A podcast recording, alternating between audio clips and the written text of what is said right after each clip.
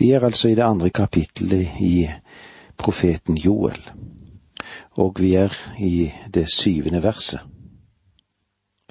Som krigere styrter de frem, som stridsmenn stormer de murer. Hver går strake veien frem og bøyer ikke av fra stien. I ordspråkene kan vi lese dette, i ordspråkene 30, 27. Gresshoppene har ikke noen konge, men alle drar de ut, flokk etter flokk. De trenger ikke en konge eller en leder. Hver av dem kjenner sin egen plass. De kommer i flokker. Når Joel beskriver fire forskjellige grupper gresshopper her, så tror jeg at han beskriver bevegelsen som en hær gjør en gresshoppesverm. I de siste tider vil det komme en annen fiende og storme inn i landet. Og denne fienden vil komme som en gresshoppesverm. Dette er en forberedelse til åpenbaringsboken, der apostelen Johannes skriver om en gresshoppeplage som vil finne sted på jorden under det første vedropet som etterfølger signalet fra den femte trompeten. Vi leser i Johannes' åpenbaring i det niende kapitlet de fire første versene der. Den femte engelen blåste i sin basun. Da så jeg en stjerne som var falt fra himmelen ned på jorden. Den fikk nøkkelen til brønnen som fører ned i avgrunnen. Og da den åpnet brønnen, steg det opp røk som av en stor ovn. Så solen og luften ble formørket. Ut av røken kom en gresshopper som spredte seg over jorden, og de fikk samme makt som jordens skorpioner. Det ble sagt dem at de ikke måtte skade gresset på jorden eller noe annet grønt, og ikke noe tre, men bare de mennesker som ikke hadde Guds seil på pannen. Dette er en uvanlig gresshoppe som ikke vil komme til å angripe noe grønt. Det er det alle vanlige gresshopper først og fremst vil angripe. De angriper ikke mennesker men disse gresshoppene, ja, hva med de? Jo, de vil angripe bare de mennesker som ikke hadde Guds seil på pannen. Det vil bli en så fryktelig tid at mennesket vil søke døden. Men de skal ikke finne den. Og det betyr at de ikke vil være i stand til å begå selvmord. Versene fem og seks i åpenbaringen ni. De fikk ikke lov til å drepe dem, men de skulle pine dem i fem måneder. Og pinen var som når et menneske blir stukket av en skorpion.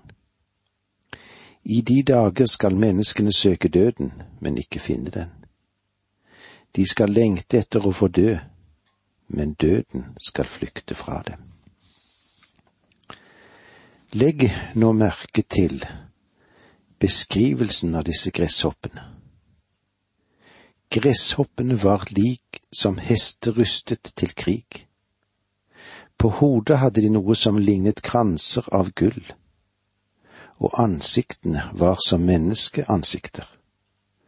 Håret deres var som kvinners hår, tennene som løvetenner, står det òg i åpenbaringen 9, 7, 8.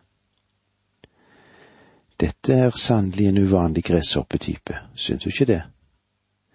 Denne plagen vil finne sted under den store trengsel.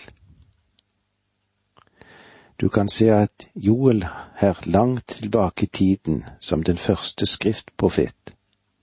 Han forbereder grunnen for apostelen Johannes, så han senere kan tre frem og gi en detaljert beskrivelse av gresshoppene som vil opptre på Herrens dag. Ja, de vil opptre på Herrens dag, disse gresshoppene. Jeg tror at Matteusevangeliet er nøkkelen i Bibelen. Før du forstår Matteus, tror jeg ikke at du vil forstå Johannesevangeliet. Og jeg vet at du vil misforstå budskapet i åpenbaringsboken. Og denne lille profeten Joel, som både har blitt misforstått og skjøvet til side, kaster kanskje mye lys over de siste tider, det som han kaller for Herrens dag. Når Joel skriver, som krigere styrter, styrter de frem, som stridsmenn stormer de murer.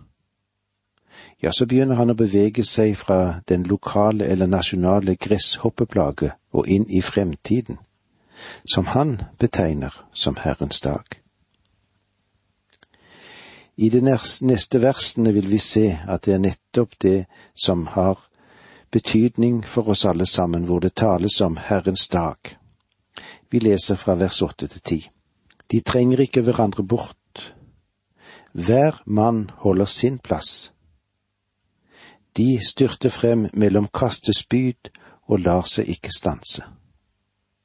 De farer inn i byen. De stormer opp på muren. De trenger inn i husene. Gjennom vinduet går de som tyver. Jorden skjelver foran dem, og himmelen rister. Sol og måne formørkes, og stjernene mister sin glans. Det er åpenbart at dette er langt mer enn en lokal gresshoppeplage, ellers må Joel overdrive noe ganske forferdelig. Profetene talte Guds ord som han ga til dem. De overdrev ikke. Dette er det samme bildet som Johannes gir oss i åpenbaringsboken. I vers elleve leser vi slik. Herren løfter sin røst foran den fylkning han fører. Og veldig er hans hær og tallrike de som lyder hans ord. Ja, stor og skremmende er Herrens dag. Hvem kan holde den ut. Dette er tredje gangen at Joel nevner Herrens dag. Hvem kan holde den ut? Dette er stort sett det samme som Jesus sa i Matteus 24, 22. Om den tiden ikke ble forkortet, ville ikke noe menneske bli frelst. Og Joel han spør på denne måten, hvem kan holde den ut? Vel, Johannes han gir oss svaret i åpenbaringsboken. I kapittel sju sier han at Gud vil stoppe naturens krefter, holde tilbake vinder fra å blåse, som er Guds dom over jorden, før de to store grupper av forløste er forseglet og er sikre. Om Guds folk skal makte å komme gjennom denne fryktelige trengselstiden, så må de være beseglet. Når Joel stiller spørsmålet hvem kan holde den ut, så er den Herrens dag som begynner i mørket, den store trengselens natt. Guds appell. Nå er spørsmålet, hva kan en synder gjøre under en slik periode? Vel, Joel gir oss svaret på det, i det tolvte verset i kapittel to. Men selv nå lyder ordet fra Herren. Vend om til meg av et helt hjerte, med faste og gråt og klage. Vend om til meg av et helt hjerte. Ordet vend om betyr å gjøre bot. Gud sier til sitt folk som har vendt sitt hjerte fra ham, gjør bot. Å gjøre bot betyr primært det å forandre sitt sinn. Du må forandre ditt sinn. Du indikerer en sinnsforandring ved å snu det rundt. Det er sant at det av og til kan følge en del tårer med det å gjøre bot, men det er jo bare et biprodukt av boten. Bot betyr egentlig å forandre ditt sinn. Og med disse ordene sier vi takk for nå, må Gud være med deg. Dette undervisningsprogrammet består av to deler. Åge Nevland fortsetter nå med andre del av dagens undervisning. Vi er i profeten Joel, vi er i det andre kapitlet, og vi vil se på hvordan Gud appellerer til oss, hva Gud har å si. Og spørsmålet kan vel være hvordan kan en synder under en slik periode unngå dette spørsmålet? Joel gir oss svar på det. Men selv nå lyder ordet fra Herren. Vend om til meg av et helt hjerte, med faste og gråt og klage. I den første tid hvor jeg fungerte i Guds rike sammenheng, fikk jeg kontakt med en god rådgiver. Det var godt for en ung, skal vi kalle for grønn medarbeider i Guds rike. Hans råd de var sindige, og han var utrolig hjelpsom. Han var aktiv, og han var hensynsfull. Selv om jeg var impulsiv. Jeg følte av og til at jeg kanskje var litt for snar i vendingen, og kanskje litt for kreativ. Og det var vel slik at ideene burde prøves ut med en gang. Og når jeg hadde fått en god idé, så gikk jeg til ham og bar arbeidet fremfor ham for å drøfte ideen. Til min store overraskelse syntes han ikke det var noen god idé, og han ba meg tenke om. Jeg ble kanskje litt ergerlig, tverrvendte og gikk raskt tilbake til mitt eget område. Men da jeg kom ut, så innså jeg at jeg hadde handlet ille og at jeg var urettferdig mot ham. Kanskje han hadde rett. Men i alle fall så burde jeg oppført meg på en helt annen måte enn det jeg gjorde. Derfor snudde jeg hælen enda en gang og gikk inn og ba om unnskyldning og tilgivelse. Og eh, det var jo litt vanskelig da, men slik er det en gang jeg oppførte meg kanskje lite omtenksomt kanskje også lite hensynsfullt. Dette kan kanskje også sammenlignes med, på en måte i alle fall, å gjøre bot.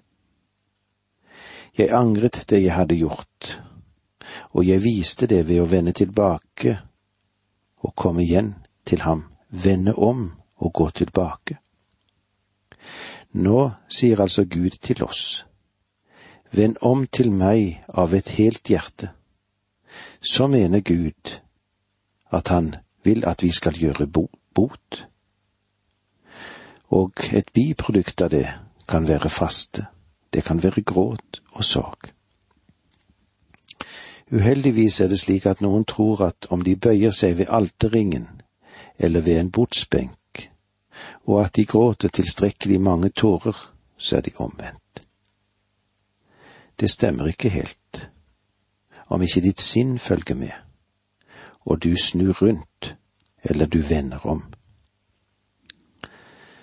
Vers 13 Riv ikke klærne synd, men la angeren rive hjertet.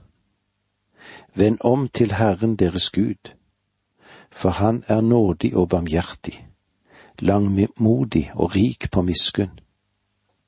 Han kan endre sin plan så han ikke lar ulykken komme. Her ser du at dette skulle være en hjerteerfaring, ikke en slags ytre gest. Faktisk så forbød Moseloven presten å rive i stykker sine klær. Boten skulle ikke vises ved at du har et uttrykk for fanatisme. Tåren, hvor skulle den være? Jo, tåren skulle være i hjertet. Vend om til Herren deres Gud. Det er bot. Nå gir han også årsaken til at de skal vende seg om til Herren. For Han er nådig og barmhjertig, langmodig og rik på miskunn. Han kan endre sin plan så han ikke lar ulykken komme. I annen Mosebok og Jonaboken drøftet jeg mer inngående spørsmål om hva det betyr når Gud gjør bot. Da Israel var i Egypt, virket det som om Gud hadde forandret mening. Han sendte plage etter plage over Egypt for å gi farao mulighet til å gjøre bot og venne seg til ham, men det gjorde han ikke. Også på Jonas sin tid sendte Gud Jonah for å forkynne for nevinittene at han ville ødelegge byen. Men eh, Ninive gjorde bot og vendte seg til Gud. Derfor ødela ikke Gud byen. Det virket som om Gud hadde forandret mening etter at han tidligere hadde sagt at han ville ødelegge hele byen. Men han forandret ikke mening. Gud er ubestikkelig. Han er alltid nådig. Han er alltid barmhjertig. Og han er alltid sen til frede. Du kan alltid stole på Gud. Han forandrer seg aldri. Han er ubestikkelig. Men når en synder gjør bot og vender om, da sier Gud egentlig, Du var under min dom, og jeg ville dømme deg, men nå, når du har vendt deg til meg, er, er det ingen dom i sikte. Gud er alltid nådig og rede til å tilgi. Vers 14 Kanskje snur han om og endrer sin plan og lar velsignelse bli tilbake. Grødeoffer og drikkeoffer for Herren deres Gud. Med andre ord, Herren vil velsigne deg igjen, din åker og din vingård, og du vil ha noe som du kan bringe som drikkeoffer og som grødoffer til ham. Tilsynelatende tilfeldig nevnes drikkeoffer her, men likevel er det ingen forordninger i Tredje Mosebok angående drikkeoffer. Drikkeofferet ble tømt over de øvrige offergavene, og de ble en del av dem. Når det ble helt over offeret, så gikk det opp damp over det oppvarmede kullet. Du husker kanskje at apostelen Paulus sa at han ønsket at hans liv skulle være som det, som et drikkeoffer, eller drikkoffer over Kristi offer. Blås i horn på Sion, lys ut en faste og kunngjør høytidssamling, står det i vers 15 her i kapittel 2. Ved begynnelsen av dette kapitlet snakket vi litt sammen om det å blåse i trompet eller horn, og at det ble brukt for å kalle sammen til et møte, og også for å fungere som nødsignal eller som mobiliseringsordre. I vers én var det et alarmsignal. Her i vers 15 er det for å kalle sammen til en høytidssamling. Folket ble kalt sammen for å høre Guds budskap så de kunne ha mulighet til å venne seg til Herren. Han er god og nådig, og han er villig til å ta imot dem. Lys ut en faste og kunngjør høytidssamling. Som vi har sett i det mosaiske system, så ga Gud sitt folk bare festdager. De skulle komme for hans åsyn med glede. Men nå, når de lever i synd og i opprør mot ham, og har vendt seg fra ham, så skal de faste og komme for hans åsyn gjennom en høytidssamling. Den eneste måten vi kan komme for hans åsyn på som syndere, det er å være villig til å vende oss fra vår synd. Om du tidligere har vendt deg fra Gud og nå ønsker å vende deg til Gud, så er alt du trenger å gjøre, det er å kalle på ham, og han vil frelse deg. Tro på den Herre Jesus Kristus, og du skal bli frelst. Du behøver ikke å gjøre noe annet enn det. Tro på den Herre Jesus Kristus, og du skal bli frelst. Du behøver ikke slutte deg til noen organisasjon, bedehus, kirke eller menighet. Du trenger ikke gå gjennom en seremoni, eller love ham noe som helst. Du kan vende deg simpelthen som en synder til Kristus for å få del i hans barmhjertighet. Det er interessant at det ordet for preken eller evangelisering eller proklamasjon av evangeliet er et ord som betyr trompet. Trompetsignalet i Det nye testamentet er evangeliets budskap at vi skal gå ut i hele verden. Blås i horn på Sion. Dette er for å kalle sammen en høytidssamling. Når mennesket gir sitt svar på et kall om å komme frem til alteret eller komme frem i kirken, i bedehuset eller til bordsbenken, så er det et høytidelig øyeblikk. De bekrefter at de vender seg til Gud fra sin synd. Og det er en alvorlig sak. Og det må ikke tas lett på dette. Men jeg vil igjen understreke det jeg kan, at dette er bare å gå frem til alteret i en kirke, det er ikke noe tegn på at du er frelst, men det kan være bot og omvendelse. Tro på den Herre Jesus Kristus, og du skal bli frelst. Takk for nå, må Gud være med deg.